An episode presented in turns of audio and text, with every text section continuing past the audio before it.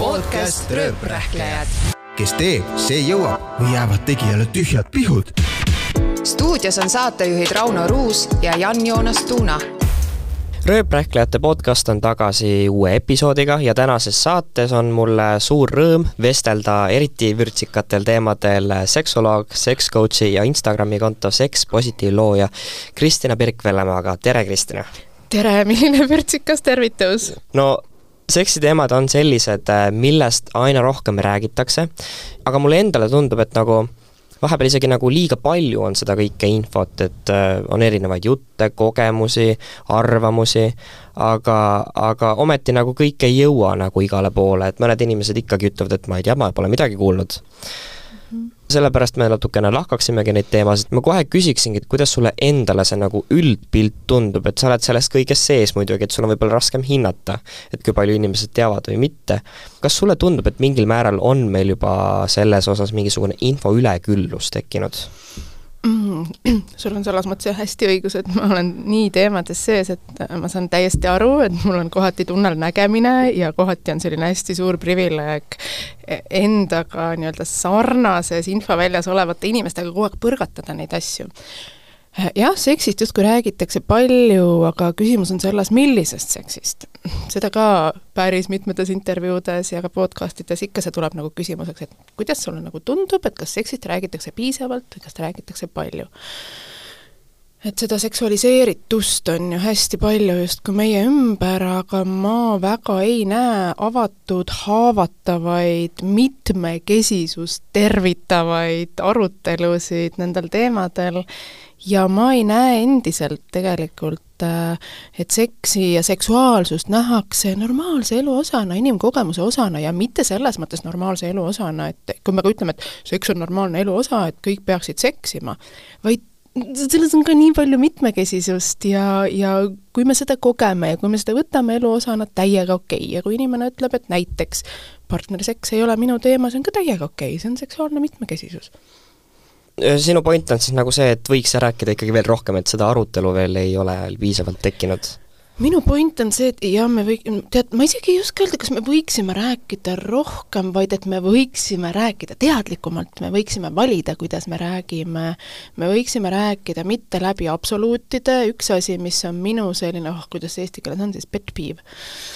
no tõmbab mind niimoodi mitte just positiivselt käima, on see, kui ma näen seksist ja seksuaalsusest äh,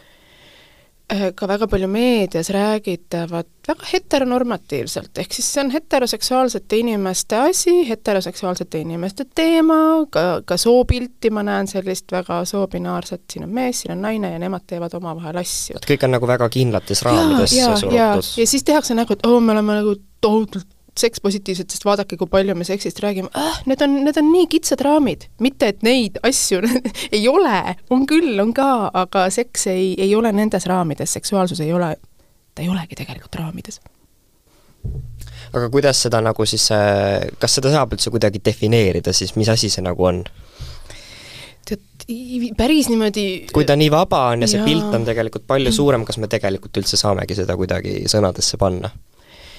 Maailma Terviseorganisatsioon on püüdnud küll, õigemini ma ütleksin isegi, et WHO või Maailma Terviseorganisatsiooni poolt ei ole mitte definitsiooni antud seksuaalsusele, vaid raamistus. Ja noh, seal on tõepoolest väga palju erinevaid aspekte, et me kogeme, me mõtestame, me tunnetame, see on öö, osa igast inimesest, ise moel, eri moel,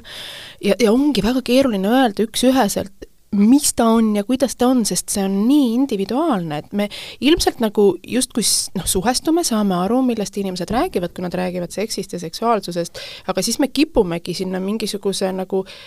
ma ei tea, sellise noh, paneme mingi samba, see on see keskmine ja, ja sellega me nagu kõike võrdlemegi. ja, ja seda seksi, seksuaalsust mõjutavad ju nii paljud aspektid, seks on ka poliitiline täiesti vaieldamatult on ta poliitiline. Äh, kuidas ta on poliitiline?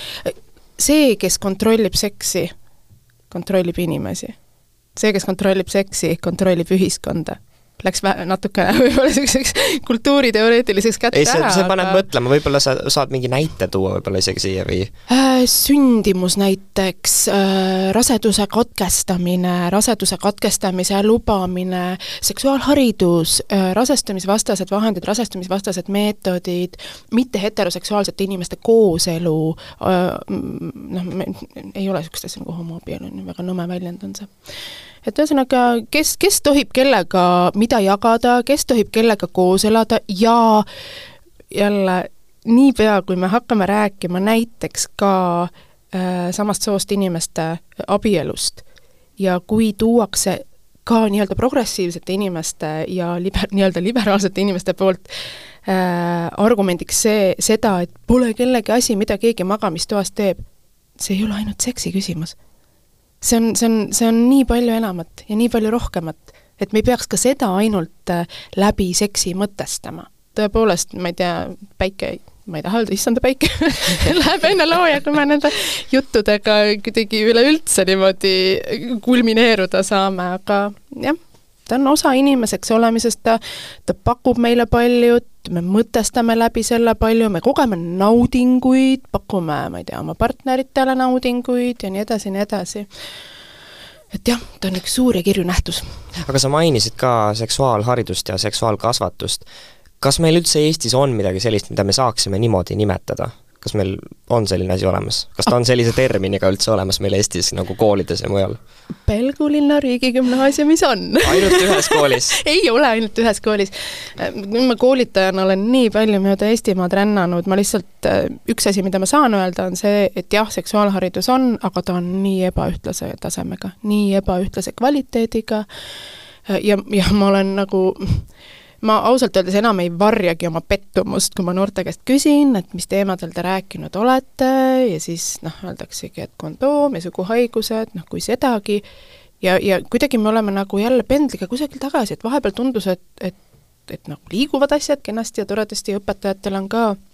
natukene rohkem äh, täiendkoolitusvõimalusi, kui, kui täitsa alguses oli aga ma ütlen, et see, et meil on seksuaalharidus kooli õppekavas, fine, väga tore, väga vajalik, aga selle kvaliteet on tohutult ebaühtlane ja ta ei ole, ta ei ole naudingukeskne. ta ei ole seksuaalõiguste keskne, ta on tagajärgede keskne endiselt minu meelest. aga kui palju meil üldse nagu koolides on selliseid õpetajaid nagu sinusuguseid, kas üldse on? ikka on, ma päris suur amps, kui ma ütlen ei, ei, ei, ei, ma olen see Liivimaa kõige parem seksuaalkasvataja mida iganes. ikka on ja, ja neid inimesi tuleb järjest rohkem juurde. küll aga ei ole seksuaalkasvatus ainult ühe õpetaja asi see on läbiv õppekavas, kas me räägime, ma ei tea, bioloogiast, eesti keelest, ühiskonnaõpetusest, kirjandusest, muusikast,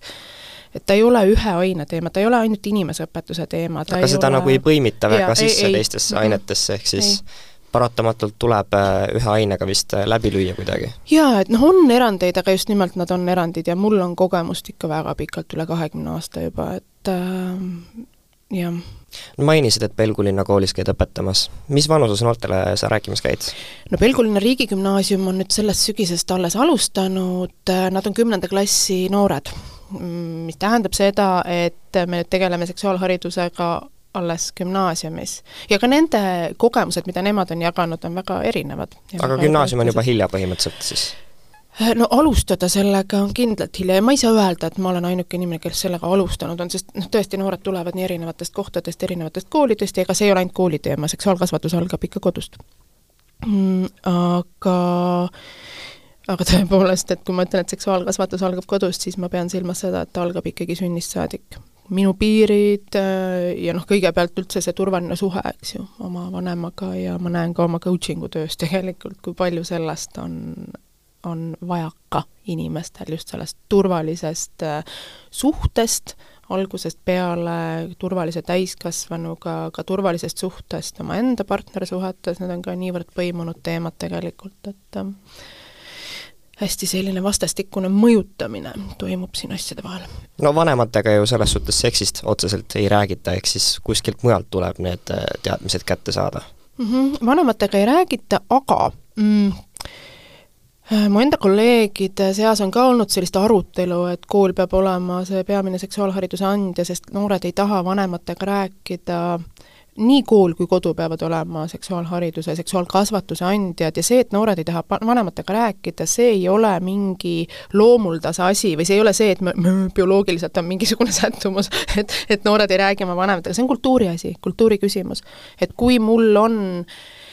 noh, kuidagi ebamugav, imelik, naljakas, ma näen, et vanemad reageerivad sellele kuidagi kummaliselt, jah, tõepoolest ma ei taha oma vanematega rääkida, et, et selle taga tegelikult on suuresti ka vanemate teadlik, teadmatus ja vanemate ebamugavus ja, ja ka vanemate selline oskamatus ja vanemaid tuleb toetada selles, ega siis keegi ei, ei sünni nende oskustega, et nendesse ikka kasvatakse et lõpuks on niimoodi, et äh, noored muutuvad nagu järjest teadlikumaks ja lõpuks hakkavad oma vanemaid hoopis sel teemal harima või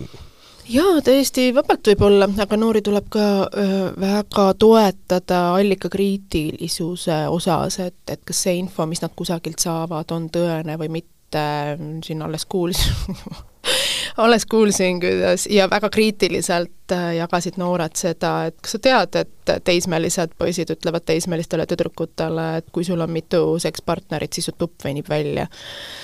aasta on kaks tuhat kakskümmend kolm, ma arvasin, et need asjad on tõesti jäänud kusagile ei tea kuhu ja see on nii kummaline, sellepärast et ma ei kuule, et, et noormeestele räägitakse, et tead, et kui sul on mitu seksuaalpartnerit, muutub su peenis palju väiksemaks mm?.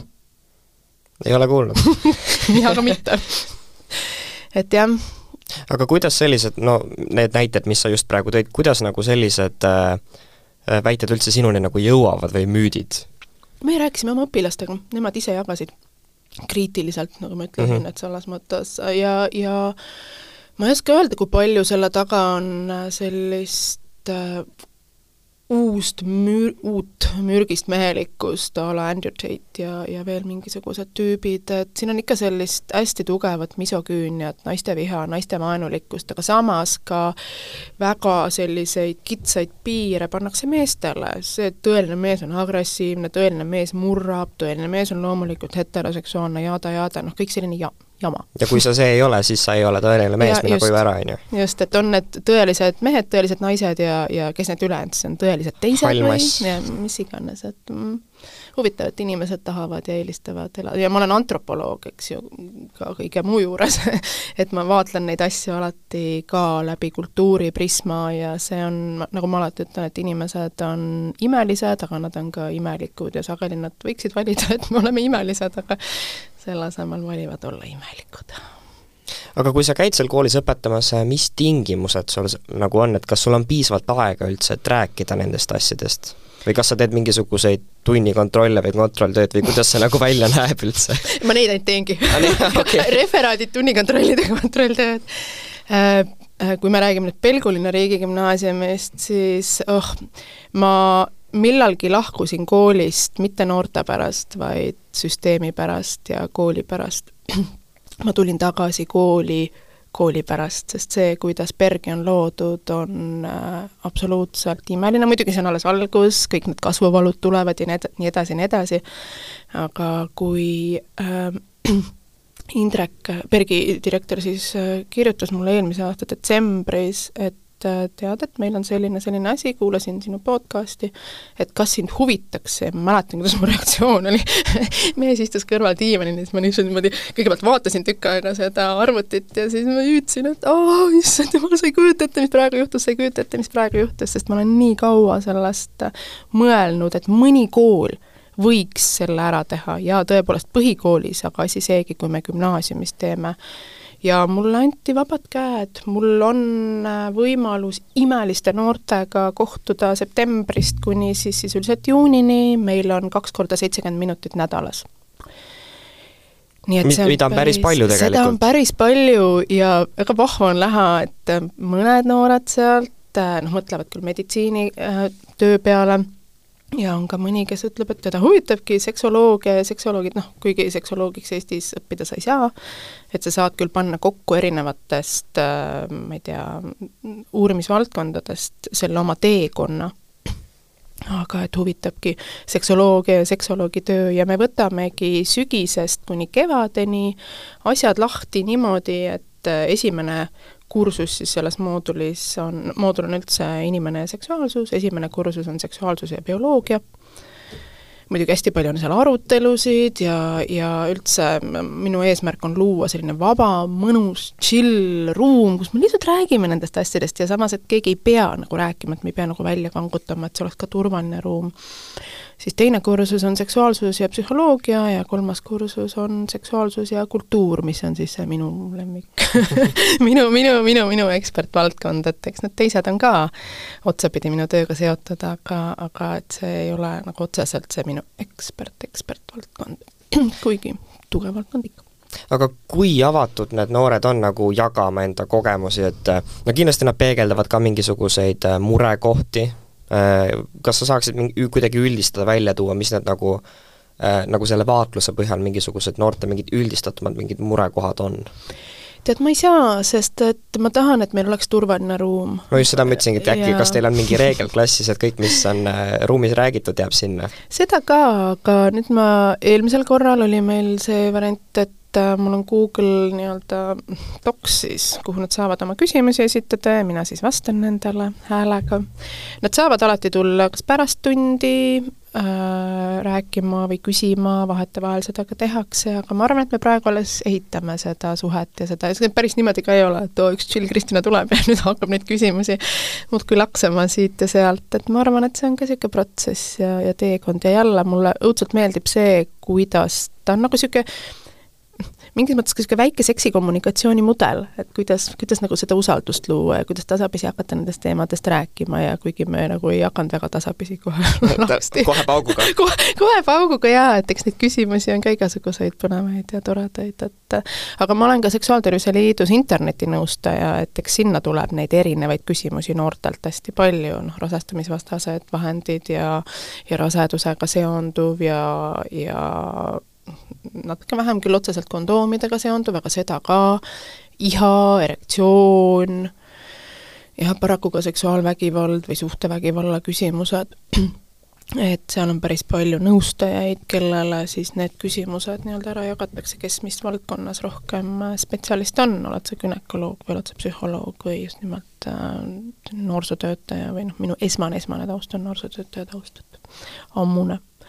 et selle kaudu ma näen rohkem isegi neid noorte küsimusi, kui otseselt äh, otseselt seal tunnis praegu, et nende küsimused on selles mõttes äh,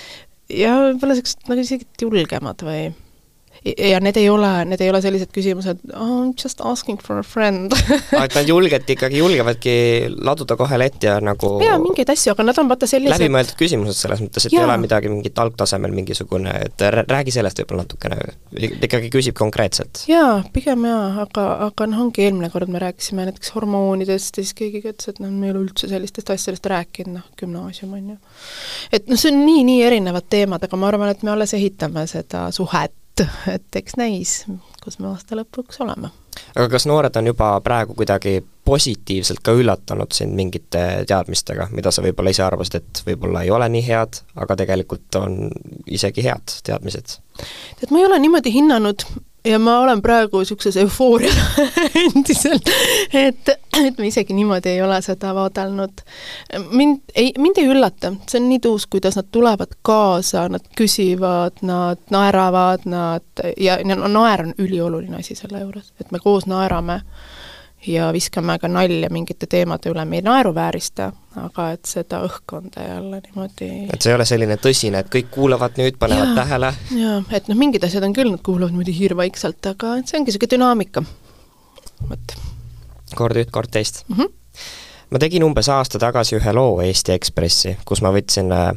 neli noort siis kokku, rääkisin nendega seksuaalkasvatusest ja haridusest. ja seal joonistus välja väga mitmeid probleemseid kohti, mida me peame tegelikult võib-olla, meie peame normaalseks neid võib-olla, et nii on kogu aeg olnud, mis siin midagi uut on.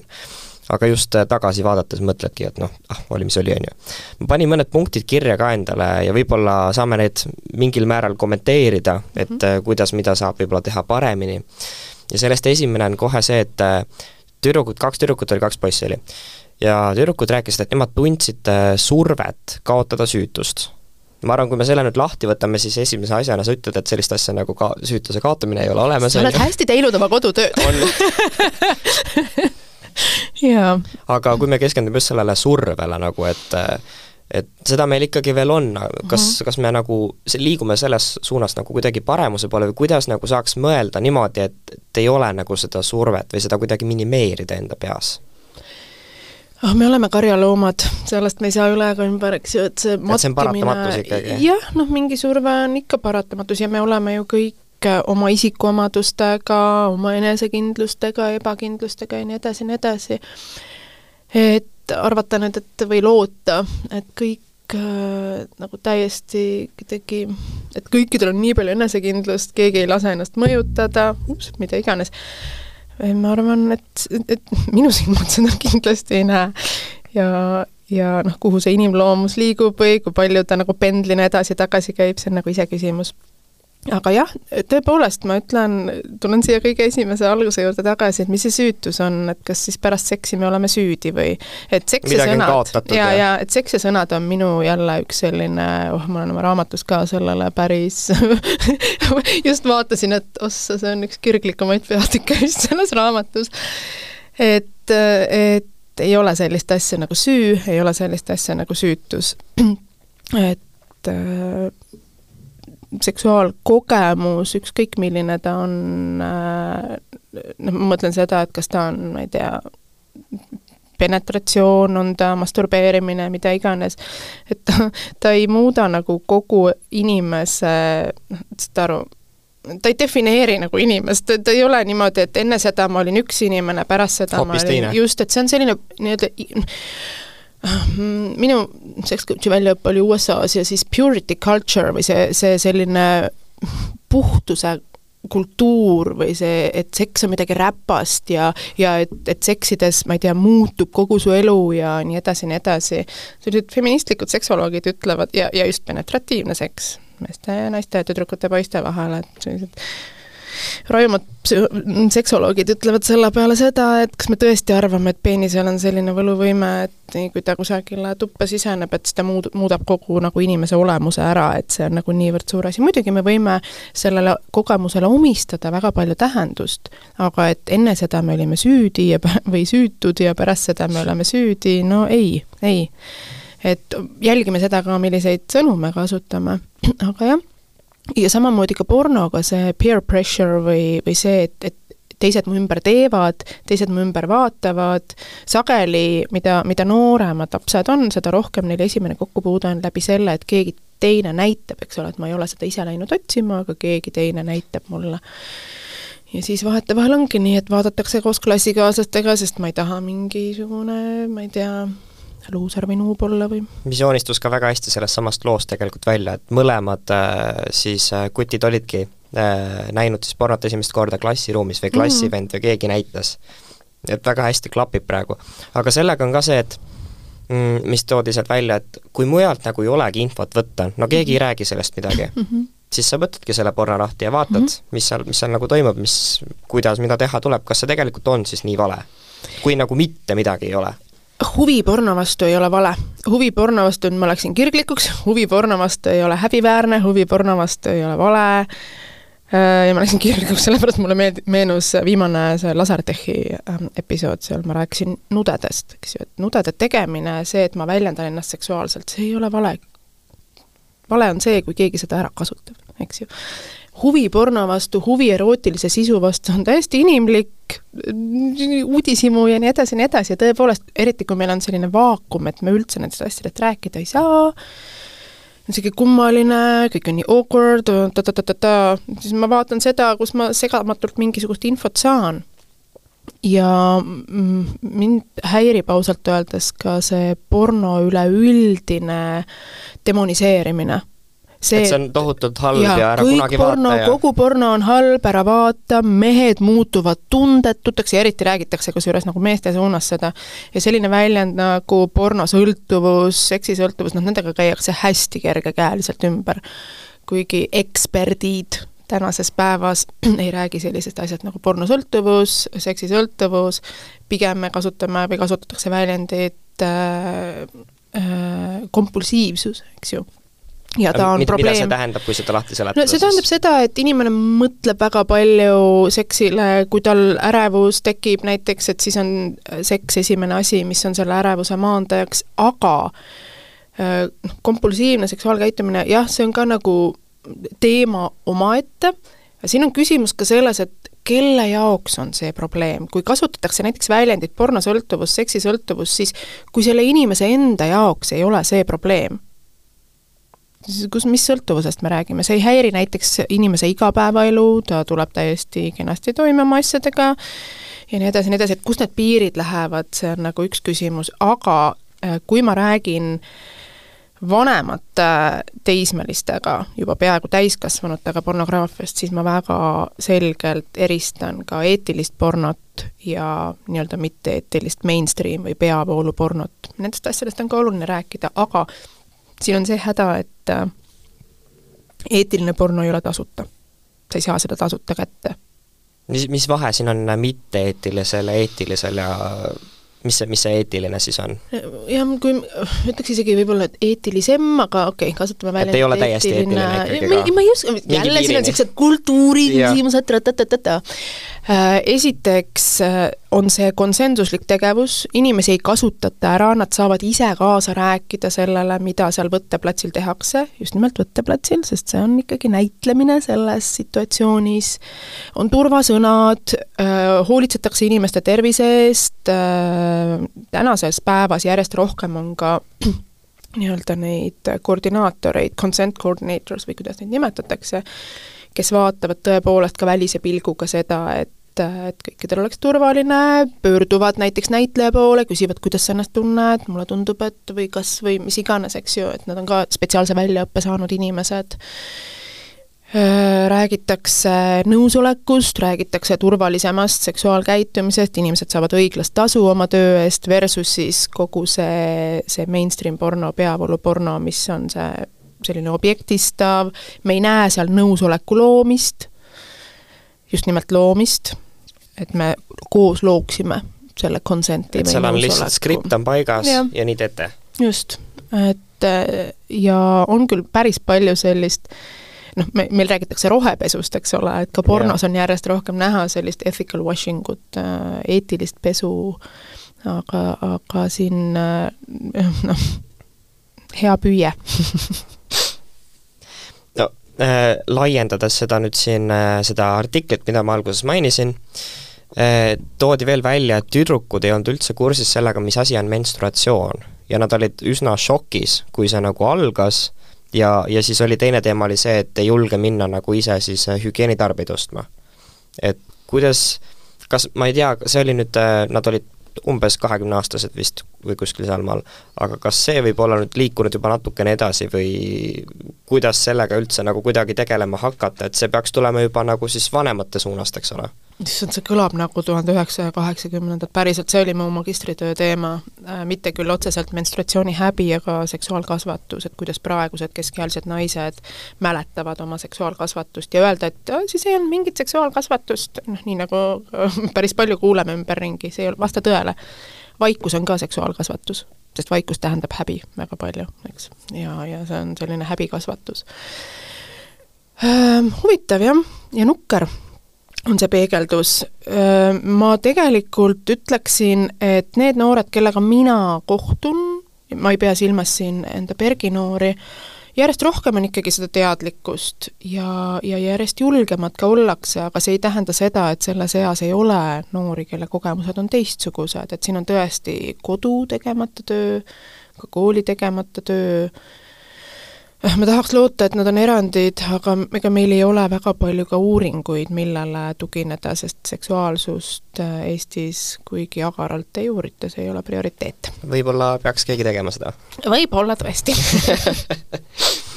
no aga palju on ka seda Google'ist otsimise mm., otsitakse Google'ist, kui on mingisugune küsimus, kas see nagu on ka õige või kui kriitiliselt tasuks sellesse infosse nagu suhtuda, et kus sa oled, kas sa pea-, võid näiteks lugeda foorumitest? Nagu teiste inimeste kogemusi ja võrrelda nagu ennast kuidagi mm,? Internetist infot otsida on muidugi õige, meil on internet olemas, aga jälle see allikakriitika, et lihtsalt guugeldamine, et sa jõuad kusagile, ma ei tea, Redditisse või kuhu iganes,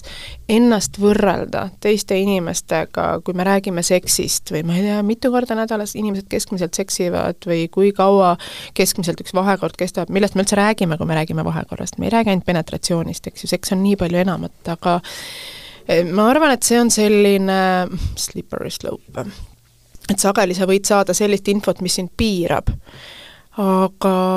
Eestis on näiteks Seksuaaltervise Liidu koduleht, ma eeldan, et seda ka uuendatakse järjepidevalt, seal on küll hästi palju teksti, aga, aga see info seal on vähemalt kontrollitud ja tekstis ei ole ka midagi halba, inglise keeles on näiteks selline leht nagu Scarlet Teen ja ma ei mäleta, kas ta lõpp on .org või .com. ja seal on hästi sekspositiivne lähenemine äh, seksuaalharidusele, ta ongi noortele mõeldud leht, äh, päris raju ja väga lahedalt raju, et me, me ei häbene neid teemasid ja noh, see on umbes nii, nagu me ka Bergis räägime noortega ja mul on see näide olemas, see kogemus olemas, et saab rääkida ilma, et sa, ma ei tea, kokutad ja köhid ja ja muidugi see on ka inimeses endas kinni, see on minu töö juba nii pikalt ja nii kaua olnud, aga et noored on valmis rääkima, see on, see, et on ebamugav rääkida seksist, see on täiesti tavaline, aga sa ei pea seda ebamugavust pelgama, sa saad sellest ebamugavusest läbi tulla või oledki koos ebamugavusega, päris paljud asjad on elus ebamugavad, aga see ei tähenda seda, et me neid asju ei tee tõsi, tõsi. aga kui nüüd minna veel edasi, me varasemalt korra mainisime ka, et, et noored on varsti nagu teadlikumad kui täiskasvanud. aga kui hakatagi nüüd looma seda võrdlusmomenti praegu siia, et kas siis tegelikult me, ongi varsti niimoodi, et noored, noored päriselt ongi teadlikumad juba, juba praegu võib-olla, kui vanemad Nad on kindlasti avatumad infole mm. -hmm. aga, aga, aga, aga mis seisus siis on äh, nii-öelda siis vanemad täiskasvanud praegu? kui kaugel nemad on oh,? Keeruline jälle öelda, mul on, näiteks kui me Eestist räägime jälle uuringutele, on väga keeruline tugineda, sest meil ei ole sisuliselt muid uuringuid aga see üldpilt, mis sulle võib-olla niimoodi tuleb? vaata, minu juurde coaching ule tulevad ini-, okei okay, Need avatud inimesed ei, tulevad, on ju, sinu juurde? ainult, äh, tegelikult okay. ma saan ka Insta põhjal väga palju järeldusi teha, sest et inimesed mu Instagrami jagavad, noh eriti kui ma küsin, või avan mingisuguse küsimuste kastikese, kuigi ta on niisugune hästi piiratud, on ju, sinna sa saad väga vähe või väga lühidalt midagi jagada, aga ikka nad jagavad ja suhtlus, suhtlus on üks peamine komistuskoht või väga suur komistuskoht ja mida ma ka nagu vahel kogen oma töös, on see, et äh, vaata, mina ei saa panna sinu partnerit sinuga suhtlema ja mina ei saa panna kellegi partnerit võtma infot vastu see ei ole minu vastutus aga vahel on selline ja, ja mitte isegi tunne, vaid mul on olnud ka õnneks üksikuid, aga ikkagi ka selliseid kogemusi, kus inimesed pahandavad minu peale, sellepärast et rünnatakse, jah? ja ma ei, ma isegi ei võta seda rünnakuna, kuigi võib-olla võiks võtta, aga ei, ma ei, ma ei ole jah mõelnud, et see on nii otseselt rünnak, ma jälle vaatan seda, et hmm, huvitav interesting, et et äh, jaa, et sa küll ütled seda, aga no kuidas ma oma partnerile selgeks teen, ta ei kuula mitte midagi. või, või et ma ütlesin, et näed, vaadaku su sisu, aga ta ei vaata seda, et noh, anna mulle midagi lihtsamat. et hästi sageli ikkagi see seksikommunikatsiooni juurde häbi, äh, ebakindlus, noh, seks ja ebakindlus on täitsa kohe, just tegin, issand, praegu on oktoober, jah, sellel kuul ühe veebiseminari sellel teemal ja hästi palju niisugust tagasisidet on olnud sellele ka, just nimelt seks ja enesekindlus. et ja inimesed endiselt ei seosta seksi jälle igapäeva, no ülejäänud eluga. et kui mul on suhtes äh, laiemalt probleemid või see suhe ei ole toetav, see suhe ei ole hoidev, ei ole seda ka seksuaalsuhe. seks ja seksuaalsuhe ütleme siis niimoodi, et see, see seksuaalsus on selle suhte osa, kui ta on, eks ju, et kui, kui koos on inimesed, kelle jaoks ka partnerseks on nende suhte osa, see on terviku osa. et kui muidu ükste-, või kui küsitakse, et ma ei tea, et mul on juba mitu aastat sünnitusest möödas, aga iha ikka veel ei ole, ja et millal see siis nagu tagasi tuleb ja siis ma jälle räägin, et sünnitus ja, ja üldse rasedus, sünnitus, ta muudab su elu ta, ta muudab su olemust ja ta ei ole päris see, et sa lahustud ära ja mingi täiesti uuesti ole, uue olendina sünnid, aga, aga ta on ka kogemusena, ta on äh, sünnitajate jaoks nagu puberteet sa, sa, sa nii suured muutused käid läbi. hea küll, et mul on sünnitusest äh, juba pikka aega möödas ja iha ikka veel ei ole ja sealt ei hakka kohe välja kooruma need, need mingisugused muud probleemid, vaid esialgu tundub, et asi on, on selles, et ma olen väsinud. ja, ja äh, et sellepärast iha ei ole ja siis hakkab sealt sageli kooruma see, et, et mu partner ei toeta mind, lapsed on minu õlul, ta-ta-ta-ta-ta, aga siis otsitakse lahendust sellele ühele asjale et anna mulle mingi võluvõti, kuidas ma selle kõige sees iha kogen. Come on, see on täiesti normaalne reaktsioon ebanormaalsele olukorrale, sellele, et ühe partneri peal on sisuliselt kogu kodune koormus või või et partnerid ei kuula teineteist või mida iganes, et hästi palju tuleb täiskasvanutega nii-öelda ringiga alustada, aga tegelikult jälle selgeks teha, et või noh, mina ei tee selgeks, see on nende enda vastutus et see ei ole nii väga ring, see on terviku osa, see kõik on terviku osa. et kui nemad tulevad nagu ühe konkreetse murega, et siis sa tegelikult nagu hakkad äh, seda raamatut vaikselt nagu avama, et, et aga mis siin nagu tegelikult taustal on ja siis nagu joonistub see pilt palju paremini välja, et tegelikult on probleem hoopis mujal jaa, mitte alati, aga sageli, sageli ikkagi küsimuste kaudu tuleb välja just see laiem pilt või ja siis sul kohe sähvatab, et noh, ei, ma ei tea, kas mul nüüd just kohe sähvatab, aga no seda kogemust ikka ju on, noh, töökogemust ja, ja mitte võrdlust, aga sul ikkagi on selline ka mm, intuitsioon. See on niisugune ära lörtsitud sõna võib-olla, kuule, sa oled mingi, ma olen neljakümne nelja aastane juba, elukogemust on ka selles mõttes, et inimestega töökogemust, et need lood on küll erinevad, aga, aga väga palju on mingisuguseid sarnaseid selliseid märke või osakesi. aga kui me võtamegi selle sinu coach'i töö nii-öelda, siis mis see nagu sinu roll seal on, et kas see ongi nagu anda nõu või siis nagu ollagi nagu nii-öelda mentor mingisugusel teekonnal? Ehm, ma olen peamiselt võta käest kuulaja. kinni ja minna ei, ei, käest kinni ma ei võta ja kõige sagedamini toimuvad üldse kohtumised, praegu toimuvadki läbi Zoomi, nii et ma ei saagi käest kinni võtta, aga äh, kõige rohkem ma kuulan ja siis küsin. ja annan, see peamine asi, mida ma loon, on see ruum, kus on okei okay rääkida seksist, seksuaalsusest, kuhu tulevad kaasa ka kui me räägime suhtest, me alati ei räägi suhte, suhtes see on nagu omamoodi teraapia siis selles ei ole. ei ole, okei okay., aga mul, mul jäi selline mulje väga hea, seleta mm. lahti, miks ta ei ole teraapia. ta võib mõjuda terapeutiliselt, aga ma ei kasuta otseselt teraapiavõtteid ja ma ei ole ka terapeudiks õppinud, ma olen küll erinevad sellised teraapia algkoolitused läbinud, aga ma ei tegele nii-öelda teadlikult, healing.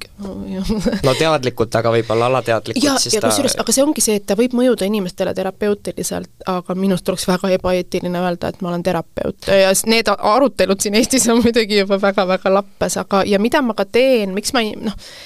seksuaalnõustajana äh, ütleme siis niimoodi, et Eestis on üldse see,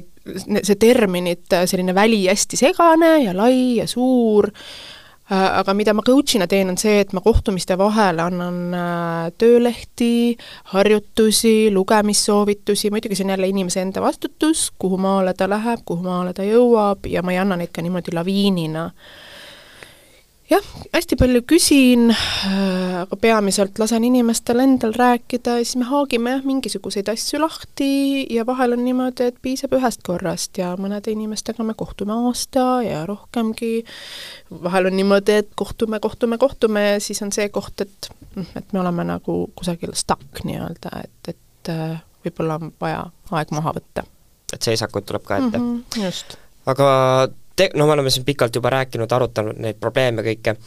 aga me ei ole veel puudutanud seda, et kuidas sa tegelikult ise nagu sellise nii-öelda elukutseni jõudsid, kust tekkis see huvi hakata nagu nendel teemadel, neid teemasid uurima ja siis ka teisi aitama? Kui ma õppisin noorsootöötajaks, oli aastal umbes tuhat üheksasada seitse, tegelikult oli ja üheksakümne üheksandal aastal ma lõpetasin esimese etapi noorsootööst ja siis äh, õppisin veel juurde, mõlemad minu noorsootöö lõputööd olid seksuaalkasvatusest ja see läks niimoodi, et ma sattusin või õigemini kutsuti praktikale Eesti Seksuaaltervise Liitu, mis toona oli Pereplaneerimise Liit, tänases päevas me väga hästi teame, et seksuaalsus ei ole ainult pereplaneerimine, vaid see pereplaneerimine on seal niisugune pisikene tillukene osa ja ma tundsin, et see sobib mulle, ma tundsin, et mul on okei okay,, mul on mugav ja samas mitte mugav selles mõttes, et kui, kui keegi ütleb, et ah oh,, mul ei ole mitte kunagi mitte mingit ebamugavust olnud seksist või seksuaalsusest rääkimisega, ma tahaks nagu kaevata kohe, et mida sa selle all silmas pead või mida sa mõtled selle all. ja ma hakkasin koolitama ka noort, no omaealisi esialgu noortelt noortele siis vahepeal natukene nagu liikusin valdkonnast välja, jõudsin millegipärast restorani juhatada, ma ei tea, kuidas see juhtus, ja veinikeldrit, ja siis tulin noorsootöö valdkonda tagasi ja see koolitamine oli kogu aeg seal kõrval olemas, aga noorsootöötajana äh, ja ühelt maalt ma läksin ka kooli tööle, äh, kutsekooli, siis kui ma oma esimese magistrikraadi olin ära teinud, äh, ja siis ma olin rühmajuhataja ja see tähendab seda, et sa oled elukutseline klassijuhataja väga paljudele noortele ja nõustamist oli seal hästi palju ka selle töö juures. Äh, ja ma teadsin ja tundsin, et see nõustamine sobib ka mulle, aga ma ei taha psühholoogiks õppida, ma ei taha terapeudiks õppida, et ma ei pea seda otseselt tegema, et toetada, aidata, luua turvalist ruumi, kus rääkida, kõik inimesed, kusjuures kui me ka vaatame sellist äh, seksuaalteraapia, on olemas selline mudel nagu Blissit mudel ja selle mudeli järgi tegelikult üheksakümmend kuni kaheksakümmend protsenti inimestest seksuaalmuredele saavad abi juba sellest, et nad saavad kellegagi rääkida, et normaliseeritakse, et seks on täiesti nagu normaalne nähtus, ei ole midagi häbiväärset ja nii edasi, nii edasi. aga sealt nüüd siis edasi kerides äh, Eesti Seksuaaltervise Liitu jõudsin ma tööle kahe tuhande viieteistkümnendal aastal. see sekspositiivne ja tõenduspõhine lähenemine on tegelikult meil sellisel kujul väga vajaka olnud, et äh, siin ma olen ja no sa, jah, sul on pikk karjääritee ühesõnaga selja taga ja sa just mainisid ka, et või mingis teises podcastis vist mainisid ka, et enne kui sa panedki materjali kuskile Instagrami ülesse, et sa kontrollid üle, et kas sellel on nagu tõenduspõhi olemas, et sul tekib võib-olla mingi mõte mm -hmm. ja siis vaatad üle mm. -hmm aga meil on ka tohutult palju tegelikult neid, kes siis opereerivad oma ja tuginevad enda kogemustele et äh, inimestel võib-olla tekibki segadus siis, aga keda ma nüüd kuulan, et ühest küljest nagu mõlema jutt tundub nagu loogiline, aga, aga kui kriitiliselt siis tuleks nagu mingisuguseid asju võtta? kas vahepeal on tegelikult okei okay ka tugineda nagu mingi kellegi kogemustele, kui saab samastuda mingil määral? Jaa, lihtsalt sa pead olema väga teadlik sellest, hea öelda, inimesed on vahel väga haavatavas kohas, ma olen ise teinud äh, sellise päris valusa teekonna läbi mingi viisteist aastat tagasi väga sügaval esoteerilises maailmas olles. Ja ma olen ettevaatlik selle kõige suhtes, sest et ma nägin järjest ja see on, vot see on nüüd see kogemuse koht, eks ju. Mm, -hmm. et kui palju inimesed pöördusid äh, ja ka mina ise läbi valu, läbi mingisuguse elukriisi otsisin, ma ei tea, lahendusi, mitte et selles midagi halba oleks, inimesed on lisaks kõigele ka spirituaalsed olendid, me lihtsalt saame seda spirituaalset nii-öelda tuge ja pai väga erineval viisil. Aga kui inimesed otsivad lahendusi ka oma seksuaalmuredele ja sulle öeldakse, et tead, su naisenergia on paigast ära, jah, mõttepaus, mis see tähendab, mis, mis mõttes mu naisenergia või meesenergia on paigast ära? Ja kui öeldakse, et see nii on, et kui see on väga konkreetne väide, mitte see, et hmm, see panebki tummaks niimoodi, et okei. okay.. jaa, et seda, seda nagu väga julgelt absolutiseerivalt väidetakse, lisaks kõigele ka näiteks, mis puudutab, ma ei tea, vaagnapõhjalihaste treeningut, joonimunad, noh, nagu miljonis kohas sellest rääkinud, joonimunad on kuidagi järjest populaarsem teema ja praegu ma ka tunnen, et ma, mitte tunnen, vaid ma ka kogen seda ja näen, et ma olen pahaseks ajanud inimesed, kes müüvad joonimune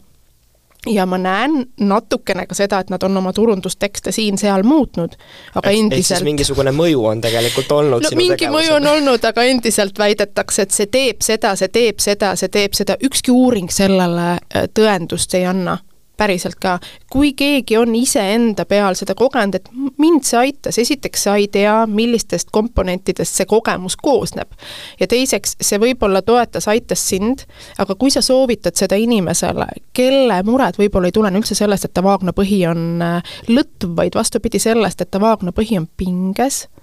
lisaks kõik see bakterite võimalik vohamine ja nii edasi ja nii edasi ja kuidagi selline hästi polariseeriv lähenemine on. ja need on tegelikult soostereotüübid sellises toredas äh, spirituaalturunduskastmes, mida me praegu näeme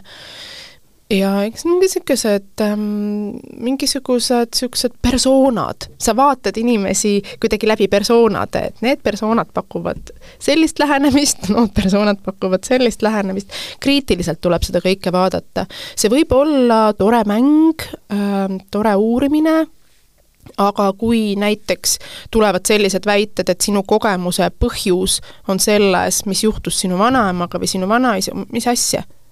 jah. see ei ole nagu kõigil sama selles suhtes, et erinevad teekonnad. jaa, et me väljendiga trauma käime ka väga-väga kergekäeliselt ümber ausalt öeldes, et see on ka minu jaoks punane lipp.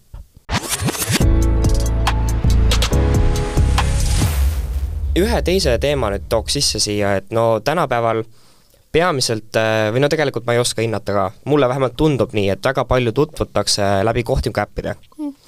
ja no see ei ole üldse muidugi uudis selles suhtes, aga, ja või, võib-olla see on isegi nagu hea lahendus neile, kellel on võib-olla natukene sotsiaalset ärevust, et võib-olla ei ole seda julgust nii-öelda tänaval kellelegi ligi minna öelda, et äh, kas numbrit võib küsida, sest et tänapäeval võetakse ka võib-olla seda niimoodi, et issand jumal, keegi nüüd tuli küsima, et mis, mis ta, mis, mis ta nüüd tahab, on ju, et selles suhtes vaadatakse kohe viltu võib-olla natukene kui me, kui me võtamegi niimoodi, et see, see on nagu nii palju ajas muutunud selles suhtes, et kunagi ikkagi nagu päriselt lõid kontakti nagu silmside, te olite füüsiliselt samas nagu ruumis ja nüüd see toimub kõik nagu virtuaalselt, mingite piltide põhiselt, kus sa tegelikult ei tunneta mitte midagi ma siinkohal tervitan oma absoluutselt imelist äh, Tinderist leitud abikaasat. Et siin sulle sa oled ehe näide, et see töötab tegelikult. Ma ei tea, see ei pruugi kõikidel töötada, minul näed, kuidagi juhtus ja väga absoluutselt imeline, nii et yay for kohtingu äpps saja käega poolt. Ma ei, jah, noh, teadlik tuleb muidugi olla ja ja eks see internetiohutus ja kõik need teemad ulatuvad ju ühel või teisel moel sinna ka, aga ma ei, ma ei, ma olen, ma olen inimene, kellel üldiselt ei ole mustvalget, et see on nii või see ei ole nii. mõned asjad on, äh, aga kohtinguäppide osas ma arvan, et see võib olla väga suurepärane võimalus inimestega kohtuda, kohata, eriti näiteks vahetevahel, ma ei tea, kui sa tahad suhelda inimestega, kes ei ole Eestis näiteks, mida iganes aga seal esineb ka väga palju seda nii-öelda toksilist käitumist mm -hmm. näiteks, et isegi, isegi kui on match, on ju, selles mm -hmm. suhtes siis ongi, alustatakse vestlust ja võib-olla vahetatakse paar üksikut sõna ja siis nagu katkeb ära mm. -hmm. et nagu jäi nagu selline mulje, et hakkab midagi minema, aga siis on nagu järsk nagu katkestus. ja seda noh, sa pead ghost imist silmas? Ghost imist pean silmades, et seda on nagu, nii palju, kui ma olen kuulnud, päris paljudel nagu ette tulnud, et kas see nagu ei mõjutab ka meid tegelikult no ikka võib mõjutada ja eks ta võib mõjutada, ma ei tea, enesekindlust ja, ja ta võib ärevdada ja nii edasi, nii edasi, aga täpselt samamoodi võib ärevdada ka see, kui inimene, keda ma silmast silma olen kohanud, ühelt maalt ei suhtle minuga. no päriselus on võib-olla natukene keerulisem niimoodi oh. lihtsalt vait jääda, et nojah, seda küll. ja eks ta ole, noh, jälle niisugune maailma muutumine ja, ja kultuuri muutumine ja, ja kõik need nähtused paraku käivad sinna juurde, ma arvan, et see on ka niisugune kohanemise koht või no äpikultuuri, kui me nüüd mõtleme, siis äh, ma ei tea, kas see on päris, aga ma mingisugust TikToki videot nägin, et äh, coaching äpid tegelikult ei ole nagu mõeldud leidma sulle seda perfektset kaaslast. Nad on tegelikult lihtsalt mõeldud selleks, et sa jääksidki nagu swipe ima sinna mm., et võib-olla ostaksid selle tasulise versiooni, et sa saaksid nagu veelgi rohkem kõike näha ja see, kui tegelikult keegi nagu kohtubki oma elu armastust, ehk siis oled ehe näide, on ju, et see tegelikult on mingisugune viga selles algoritmis oh,. ma olen suurima heameelega algoritmi viga absoluutselt super. keegi kirjeldas seda niimoodi, ma ei tea, kas see on tõsi, selles suhtes pole mm. nagu võimalust seda järele kontrollida, aga see on üks teooria täitsa võimalik jah, vaata sotsiaalmeedia ei ole minu äh, valdkond äh,, Katrin Tiidenberg näiteks või Maria Murumaa Mängel Eestis on äh, sotsiaalmeedikud ja üldse nagu meediauurijad. et ma arvan, et nendega oleks väga huvitav sellel teemal rääkida. Aga liikudes edasi, äh, me teame, et sul on raamat tulemas mm. -hmm. ma päris täpselt äh, ei olegi aru saanud, et äh, millest see raamat nagu räägib, mul on tä-, mul tuleb mingisugune pilt nagu silma ette, ma ei mäleta, kus ma nägin, kus oli nagu küsimus püstitatud, et kas see on seksiõpik või mis mm, -hmm. mingisugune esileht või midagi mm -hmm. võis olla. ja rohkem ma nagu edasi näinud, aga ma küsingi, kas see on seksiõpik? ei ole. ei ole ei ole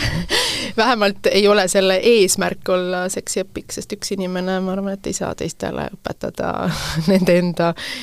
nii-öelda naudingute kohta nii sügavalt, kui üks inimene ise saab õppida, aga tegelikult see raamat on minu Instagram paberil nii-öelda. Et kui äh, suvel või ei, see oli kevadel päris huvitav ja päris mitu kirjastust võtsid korraga kusjuures ühendust ja siis äh, koostööle ma läksin Helios kirjastusega ja neile väga sobis äh, noh, nad, nende enda mõte oli ka see, mina nagu ise ütlesin, et, et aga võtaks need instapostitused ja lihtsalt natukene laiendaks neid, et me ei läheks kuidagi hästi süvitsi nende asjadega peale ja kohe ei lajataks, ega Eestis ja eestikeelset sellist materjali, sekspositiivset materjali, see on ka selline nii-öelda diskursuse loomine või eestvedamine, aga see raamat, seal on hästi palju töölehti ja minu üks mõte seda raamatut ka luues ja neid Instagrami postitusi laiendades, noh, ta on ikkagi selline, ka keeleliselt on seal selgelt tunda, et, et see on, on, on nagu natuke selline mm, kõnekeelelikum, ütleme nii, aga ma tahtsin, et inimesed ka ise saavad luua seda raamatut, et seal on hästi palju sellist endasse vaatamise võimalust, küsimusi ja nad võivad olla ka tüütud kohati, võib-olla mingi asi tekitab, oh, mis asja jälle, mida ta, mis asja ma siin pean kaevama, eks ju igaüks võtab nii, nagu ta võtab, et sinu raamat, sinu reeglid. ütleme siis niimoodi, et see on niisugune kutsumine sekspositiivsele teekonnale. esimene november on see kuupäev vist millal ta peaks välja tulema ja tegelikult on juba järgmised äh, sellised koostööd juba ootamas. ootab midagi veel. mis, mis veel ei tuleb? ei, ei räägi, räägi. et need, need on väga-väga põnevad äh, nägemused. hakkab tulema lihtsalt pakkumised. Äh, järgnevaid versioone siis? Äh, ei hakka. ei hakka, midagi uut ikkagi midagi uut ikkagi jah, et eks näis, eks varsti saab sellest ka loodetavasti rääkida, et siin on veel mingid, mingisugused kokkulepped timmimisel kes on raamatu sihtgrupp, kellele ta mõeldud on? inimesed kõik, kõik, kõik inimesed tead, jaa, inim-, tead, see, on niisugune hea küsimus ja see on natukene ka vahetevahel see, see, see no võib-olla ma küsin nii, et kes on nagu ja kes on võib-olla valmis lugema sellist raamatut, et mis inimesed need on? Kes on valmis omaenda seksiskripti ise looma, omaenda sellist seksikäsikirja uudistama, avastama, küsimusi küsima, kaasa mõtlema, inimesed, kes on seksuaalsed, ehk siis inimesed. nii et tasub oodata ja lugeda aga suured tänud, et äh, sa tulid minuga siia täna jutustama, ma, ma hakkasin mõtlema, et kuidas seda saadet nagu kuidagi üldse kokku võtta, sellepärast et äh, mulle endale tuli küll seda informatsiooni nagu nii palju, et ma arvan, et ma terve õhtu praegu ketran peast ja ma arvan, et kõik kuulajad ka saavad natukene võtta väga kerge mõttepausi ja just natukene läbi mõelda, mis nad kõik kuulsid, teha omad järeldused, analüüsid ja siis äh, eluga edasi minna ja olla ikkagi targemad selles valdkonnas. -hmm. suured tänud! aitäh! Varasemaid podcasti episoode soovitan ka kõigil kuulata Delfi taskust, Spotify'st või Apple podcastist, oleme kõikjal olemas ja behind the scenes klipid leiate ka Rööprähklejate TikTokist. podcast Rööprähklejad. rööprähklejad